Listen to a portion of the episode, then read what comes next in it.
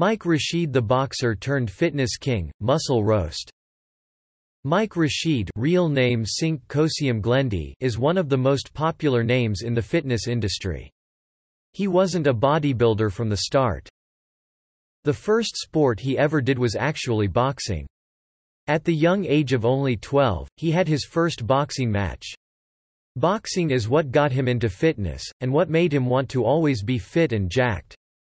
He says that his father had a big influence on him becoming what he is today. His father taught him what it means to be physically fit and an athlete. My father had my brothers and I chopping wood, swimming, sprinting in sand, hiking, doing pull-ups, etc. I had my first boxing match at age 12, says Mike. When he started boxing, he was already very athletic. Mike was very strong, agile, and knew what being disciplined meant. During his teens, his determination resulted in him becoming a professional boxer, and later even winning boxing titles. One of the most noticeable awards was the National Golden Gloves Championship. During his boxing career, he had to weight train, and over time, fell in love with bodybuilding. To be more precise, he started doing something called power bodybuilding. A training system invented by Mike O'Hearn. This is basically training for hypertrophy with powerlifting movements. It's becoming very strong on the bench press, squat, and deadlift, but doing them in such a way that causes your body to grow muscle. As time went on, these type of workouts got Mike Rashid some good size and great strength. Being as active as he was, he never really gained any fat. His fast metabolism and active lifestyle kept his body fat percentage very low. His physique still looks great on a daily basis, and he is close to being competition ready at all times. As you may have imagined, somebody challenged him to try and do a show. He accepted it and gave it a go. That was the actual day he fell in love with this sport. I never had any intention on competing, someone recommended I do a show, two weeks prior to it. I accepted the challenge and it went well, I liked it so I kept on doing it. That bodybuilding stage can be pretty addictive. He kept on training for hypertrophy, with the same powerlifting technique. His body progressed, and his physique became one of the best in the fitness industry. Not only did he have very developed muscularity and low body fat, he also had very good proportions. His big arms made him stand out. Big arms wouldn't be enough if he didn't have a personality, that made people love him on YouTube.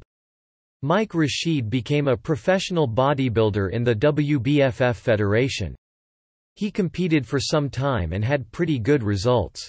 Here are some of them 2013 WBFF Worlds Las Vegas, 7th. 2011 EPFNB Michigan Challenge of Grand Rapids, 6th. 2011 NPC Michigan Bodybuilding, Figure, Fitness, Bikini and Physique Championships, 7th. 2010 NPC Flint, Mid-Michigan Natural Bodybuilding, Fitness, Figure and Bikini Championships, 1st. 2008 NA Great Lakes Natural Championships, 2nd. Now, one of the most important things about Mike, that actually made him as popular as he is today, is his YouTube channel. He was one of the first fitness YouTube channels, alongside the Hodge twins, Chris Jones, Omar Isuf and others. Originally it was all about power bodybuilding. But as time went on, he pretty much discussed every single topic on bodybuilding. Down the road, he did start changing what he talked about on his channel. He got more into spirituality and motivation. He shared his thoughts on how to be happy in and successful in life. To some, Mike is a life coach, an entrepreneur, and an author who owns a gym. Go figure. He has a clothing and supplement line, which are both making him pretty good money these days. His gym is stationed in Miami, and it's pretty popular amongst people who like that atmosphere. Mike is born in the USA, on March 14, 1982. He is 37 today.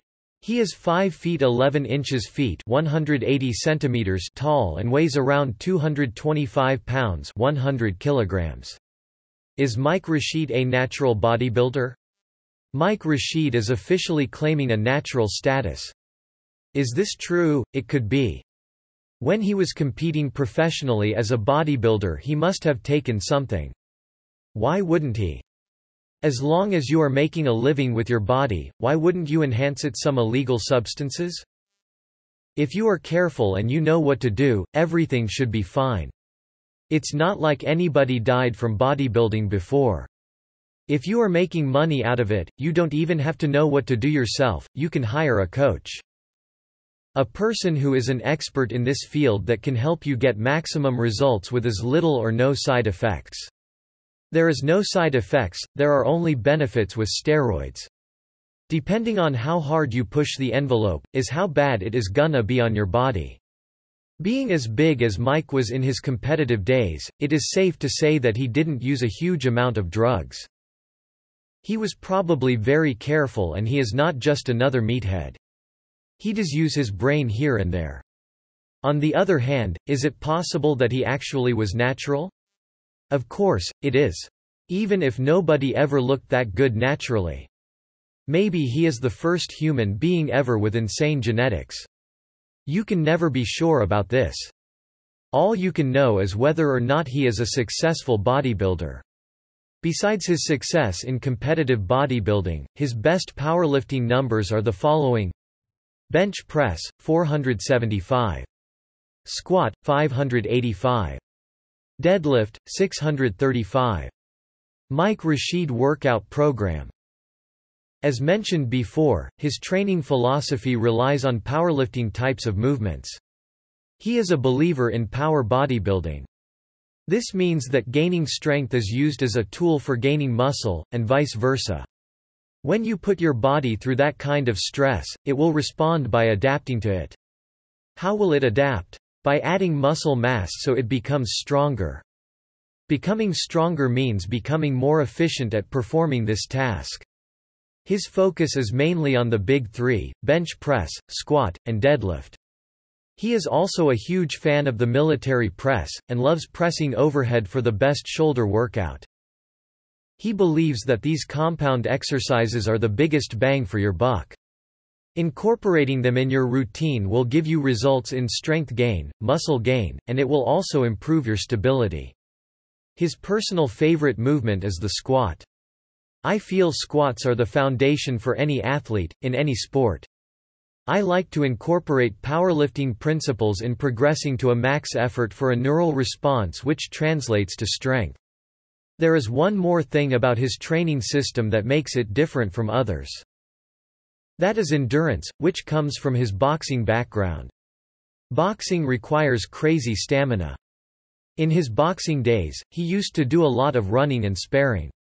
Now, as a power bodybuilder, he is also adding a lot of these workouts to spark up his training sessions, and make him more functional and healthy.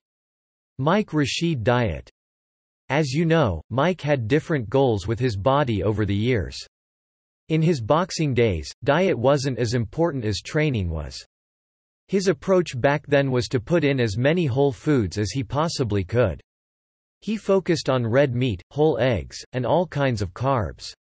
Basically, he simply needed enough energy to get him through the training sessions, and enough building blocks to repair his muscles in order to get stronger.